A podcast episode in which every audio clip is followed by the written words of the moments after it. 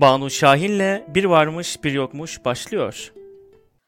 Ağacın Hafızası Yazan Tina Wallis, seslendiren Banu Şahin. Klonlanmış Kızlar Hık demiş birbirinizin burnundan düşmüşsünüz der dedem annemle anneannem her tartıştığında. Tartışmıyoruz biz hep böyle konuşuyoruz der kadınlardan herhangi biri bu yorumu duyunca. En iyisi onları baş başa bırakmak. Hık demiş burnundan düşmüş lafının tıpatıp aynı anlamına geldiğini artık biliyorum dedem söylemişti. Ardından da annemle babamın odasına gitmiş ve elinde tozlu bir albümle yanıma dönüp anneannemin annem yaşındayken çekilmiş fotoğraflarını göstermeye koyulmuştu birbirinin klonu gibiler demiştim. O günden beri annemle anneannemin adı klonlanmış kızlar kaldı. Kendileri bunu bilmiyorlar çünkü dedemle aramızdaki nice sırdan biri. Fotoğraflardan birinde anneannem belinde önlüğü evinin önündeki banka oturmuş, annemse elinde bir tebeşirle beton zemine şekiller çiziktiriyordu. Yan tarafta koskoca neredeyse gerçek boyutlarda bir ağaç resmi çizilmişti. Benim salkım söğüdüm demişti dedem. Bir gün sana anlatırım. Çocuk Yohan çocukla ekmek almaya çık. Çocuk dediği benim. Artık dedemi ne zaman bir yere yollasalar beni de yanına katıyorlar. Bazen hiç hoşuma gitmiyor çünkü o sırada oyun oynamakla, kitap okumakla ve hatta ev ödevlerimle meşgul oluyorum. Ama dedeme eşlik etmek birkaç haftadır her şeyin önüne geçiyor. Ekmek almamız lazımmış yan. Sokağa çıktığımızda dedem elimi sıkıca tutup bana bütün sokakların isimlerini okutuyor. Geçtiğimiz bütün yolları öğrenmemi istiyor. Artık büyüdüğümü, yakında dışarılarda yalnız başıma gezeceğimi söylüyor. Bana bunu söylediğinde biraz nefesim kesiliyor. Çünkü bakışı donuklaşıyor. Buna hiç alışkın değilim ama söylediklerini ciddiye alıyorum. Dedemi hep ciddiye alırım. Sokak tabelalarını okuyorum. Virgil, Borel, Tamari. Dükkanlara aldanma, sürekli değişirler. Değişmeyen tek şey sokaklardır ve gözünü beyaz mermer sokak tabelalarının kara harflerine dikiyor ve gözünü beyaz mermer sokak tabelalarının kara harflerine dikiyor eve dönebilmek için harflerin kıvrımlarındaki gizli mesajları çözmemiz gerekirmiş gibi. Deden. Dedene haber ver. Birazdan yemeğe oturuyoruz. Anneannem deden dediğinde bütün alarmlar çalmaya başlar. Anneannem Katarina'nın keyfi neredeyse her zaman iyidir. Dediğim gibi neredeyse. Dediğim gibi neredeyse keyfi iyi değilse olan dedeme olur çünkü konuşmayı ilk kestiği kişi odur. Günler kralım akşam yemeğine oturuyoruz çocuğa haber verle dedene haber ver birazdan yemeğe oturuyoruz arasında geçer. İlk ifade ikincisinden daha sık duyulur ya da duyulurdu. Son birkaç gündür her akşam dedene haber ver duyuluyor. Klonlanmış kızların tartışmaları da azaldı. Daha çok mutfakta fısıldaşıyorlar. Kapıyı sımsıkı kapatıyorlar. Tıpkı annem sardalya ızgara yaptığında ya da babam lahana yemek için tutturduğunda olduğu gibi. Ama kötü kokular içeride kalmıyor. Dedem gözünü kapalı kapının kolundan ayırmıyor. Hatta gözünü kırpmadığı, saniyeleri saydığı, saniyeler geçtikçe bakışının daha da boşlaştığı söylenebilir. Kapı açıldığında ise ilk beliren hep anneannem oluyor. Gözleri hemen dedeminkileri arıyor. Dedemin gözleri onunkilerle buluşunca ışıkla doluyor. Şaşmayan saat. Dedem Yoğan saatçiydi. Hala öyleyim diye homurdanır. Köyün saatçisi. Sayesinde Wilvert köyünün saatinin bir zamanlar hiç şaşmadığını söylemeye bayılır. Buna ben de inanırım.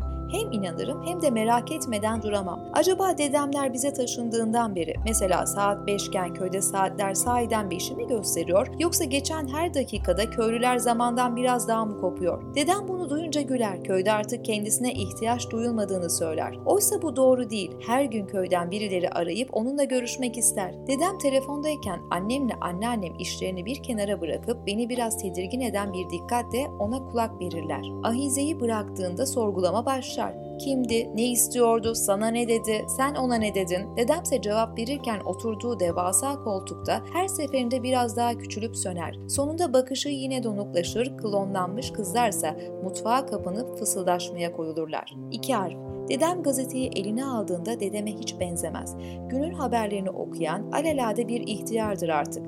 Duruş öyle değişir ki onu tanımakta zorlanırım. Böyleyken onu gözetlemek hoşuma gider. Bakışlarımı ona dikerim ve sonunda dedem olmaktan tamamen çıkar. Derken aniden bulmacaların olduğu sayfaya gelir. Bakışlarını gazeteden ayırıp bana yöneltirken bir yandan da tükenmez kalemini bulmak için sehpayı yoklar. Ödevlerini yaptın mı? dediği anda yine dedeme dönüşür. Bulmacaları hemen halleder. Hızla yapar ve daima tamamını çözer. En azından eskiden çözerdi. Geçen gün biraz gecikerek tamamladı. Evvelki günse iki harfini boş bıraktı.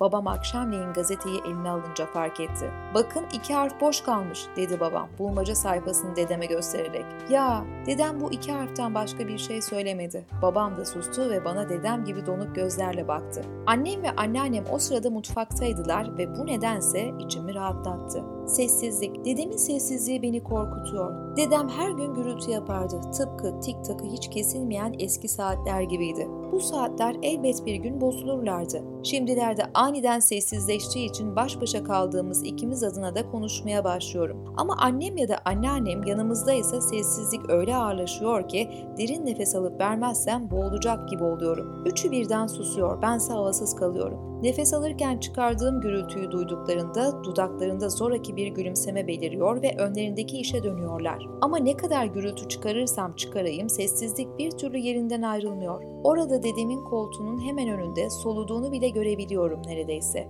Dedemse gayet sakin. Tik tak sesini sahiden hiç özlememiş gibi. Sandviç. Sandviçlerim artık daha iyi. Anneannem ben okuldan çıkmadan yarım saat önce bir sandviç hazırlıyor, dedem de beni okuldan almaya gelirken yanında getiriyor. Önceden annem sabahtan yapar, sandviç bütün gün çantamda gezince bayatlardı. Değişiklikten sonra iyileşen tek şey sandviçim oldu. Ekmeği çıtır çıtır içine canım ne isterse koyduruyorum ve yerken dedem hep yanımda. Aldığım her ısırık onu biraz daha mutlu ediyor sanki. Açlığına imreniyorum yan. Kafamı okşayıp saçlarımı karıştırıyor. Bense çiğnemeyi kesmeden elini başımdan ayırıyorum. İster misin? Yok yok. Sorun da bu zaten. Canım istemiyor. Eve birkaç sokak kala sandviçimi bitirdiğimde dedemin açlığıma niye imrendiğini hala anlayabilmiş değilim. Oysa küçükken çok açlık çektiğini söyler hep. Bir şey, bir gün ev ödevlerimi yaptığım sırada babamlar odama geldi. Yüzlerinde bana önemli bir şey söylemek üzerelermiş gibi bir ifade vardı. Yatağıma oturdular. Yan, yavrum gel aramıza otur. Babanla benim sana anlatmamız gereken bir şey var. İyi bir şey. Yüzlerine bakılırsa işte iyiye benzemiyordu. Anneannem ve deden gelecek ay buraya taşınacaklar ve artık beraber yaşayacağız. Gülümseyecekler mi diye bekledim ama gülümsemediler. Bence iyi bir haberdi. En azından yaşasın demeyi ve kucaklaşmayı hak ediyordu. Dedem ve anneannem evimizde yaşayacaklardı. Tıpkı tatillerde olduğu gibi ama tam tersi. Sevinebilir miyim? Tabii ki yavrum. Peki siz niye sevinmiyorsunuz? Bu değişiklik fikri aklımıza daha yeni geldi, dedi babam, annemin elini sımsıkı tutarak. Odamdan çıktıklarında İngilizce ödevimi kendiminkine hiç benzemeyen bir el yazısıyla tamamladım. A ve O harflerinin havası sönmüştü. Dedemlerin evi. Ertesi gün değişiklik konusunda aklıma bir sürü soru gelse de nedense anneme sormak istemedim. Babamla baş başa kalmayı bekledim. Ama yazın her zamanki gibi Wilbert'e gidecekler değil mi? Bakacağız. Bakacağız demek hayır demek değil mi? Belki. Baba, sanırım hayır yan yavrum. Her yan yavrum dediklerinde devre dışı kalıyor, susuyorum. Yan yavrum. Bir dur işareti, bir sınır çizgisi. Henüz yan yavrumun ötesine hiç geçmedim. Başka soru sormadım. Başka cevap istemiyordum. Yan yavrum. Dedemlerin bir yığın bavulla bize gelecekleri gün ben okuldan arkadaşımın evine gönderildim.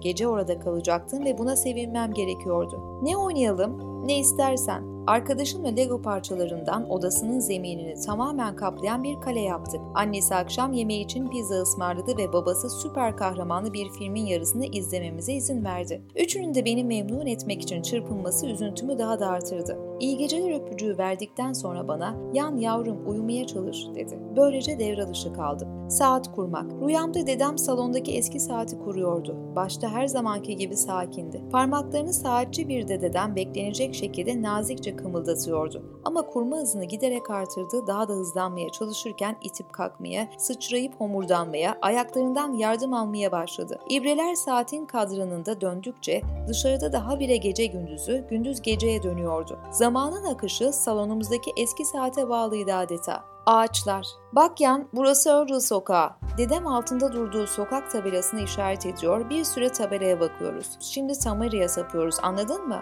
Dede ağaçlara bakmayacak mıyız? Bakacağız, bakacağız ve sessizce eve doğru ilerliyoruz. Ben hem ağaçlara bakıyorum hem de sokak tabelalarına bakan dedeme. Başka hiçbir şey söylemiyor. Dalların yere çizdiği desenlerin üstünden geçiyoruz. Dedem ayaklarını öyle çok sürüyor ki yerdeki gölgelerden biri ayakkabısına takılacak.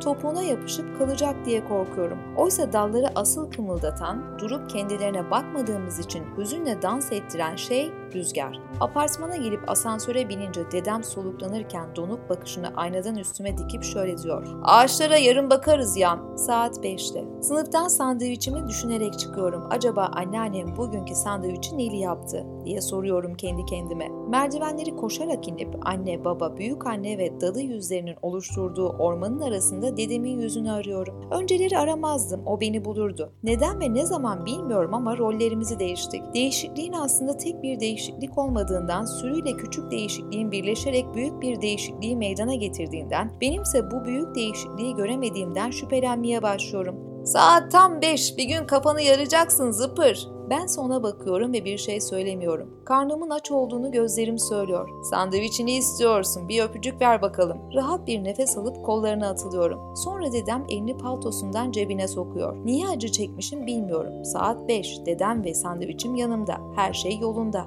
Önce, dedemler bize taşınmadan önce beni okuldan almaya dönüşümlü olarak annemle babam gelirdi. Bugün ufaklığı sen alabilir misin? Benim toplantım var. Beni pazartesiden cumaya aralarında bölüşürlerdi. Okula geldiklerinde akılları hala işte olurdu. Yolun yarısına gelene kadar hiçbir anlattığıma kulak vermezlerdi. Sonra Queen bana vurdu. Queen sana vurdu mu? Niye ki? Daha şimdi anlattım ya çünkü okul bahçesindeki maçta ben kaledeydim ve golünü kurtarmıştım. Sonra da her şeyi en baştan tekrarlamam gerekirdi. Ve gerek annem gerekse babam kafalarını bana doğru eğerek yürümeye başlarlardı. Hem beni daha iyi işitebilmek için hem de yolun başından beri anlattıklarıma dikkat etmedikleri için duydukları suçluluktan. Anlattıklarımı daha kısa ve dolaysız olarak önemsizleştirerek tekrarladığımda benden bütün sahnelerin bütün ayrıntılarını anlatmamı isterlerdi. Hatta aktardıklarım hemen karşılarındaymış gibi annem gözlerini kısar, babamsa dalgın dalgın ileri bakardı. Dedem beni gördüğü andan itibaren her anlattığımı dinler ve başını eğmez. Eğer ona önemli bir şey söylemek istersem parmak uçlarımda yükselip beni duyabiliyor musun derim ve bundan hiç mi hiç hoşlanmaz. Tabii ki duyuyorum, duymaz mıyım hiç? Çok önce sayılmaz. Dedemin beni okuldan almaya ilk geldiği zamanlarda hep o konuşurdu. Eve her seferinde geç dönerdik. Durup etraftaki her şeye bakardık. Özellikle de ağaçlara. Amma kalın bir gövdesi var değil mi? Gel dokun. Rondodaki ağaçlardan birinin önünde durur ve ikimiz beraber dokunurduk. Bu ağaç dededen bile yaşlı. Sen yaşlı değilsin ki. Rondodaki çınarlardan birinin gövdesindeki kovuğu böyle bir gün her yanını incelediğimiz sırada keşfettik. Baksana yan, boyu kafam kadar. Dedem kovuğa kafasına sokarmış gibi yapınca onu geri çekmek için var gücümle ceketine yapıştım. Çık dede çık! Ağaçlara dokunmak. Başta ağaçlara dokunmaktan utanırdım. Dedemin durup onlara dokunmasından, bana da aynısını yaptırmasından. Orada da kimmiş ne yapıyorsunuz diye dalga geçti bir gün Moises. İyi günler ben Moises'ın annesi Melissa. Siz de yanın dedesi olmalısınız. Adım Yohan. Memnun oldum. Ben de tam yana anlatıyordum. Bir ağacın gölgesi insanın hayatını kurtarabilir. Vay! Moises rondodaki o çınarın gölgesinde durdu ve gözünü heyecanla dedeme dikti. Sonra dedem eski bir masal anlatırcasına sesini kalınlaştırarak bize çocukken bir ağacı olduğunu, ağacı sayesinde öğle güneşinden korunduğunu, onu kulübe sığınak ve sırdaş bellediğini anlattı. Sırdaş mı dedik Moises'la ben aynı anda, annesi ise yumuşacık gülümsedi. Sırlarımı saklardı. Moises nerede? Ben nasıl? Hep birazdan söyledik bunları. Dedemse gırtlağını temizleyip saatine baktı ve sonradan Moises'la benim de taklit edeceğimiz şefkatli bir dokunuşla ağaca veda etti. İlk gün. Dedemin beni okuldan almaya geleceği ilk gün saat 5 olmak bilmedi. Sınıftaki saatin bozulduğunu sanıyor, dedem gelsin de tamir etsin diye aklımdan geçiriyordum. Ama saat 5 olmazsa gelemezdi. Son ders yani hayat bilgisi dersi boyunca sinirlerim saatin tik tak tik tak yapan ibreleri tarafından çekiştirilmiş gibi gerildi. Saat 5 olup da zır sesini duyunca oturduğum yerde öyle bir sıçradım ki dudağımı ısırıverdim. Yan bugün ders boyunca aklım başka yerdeydi.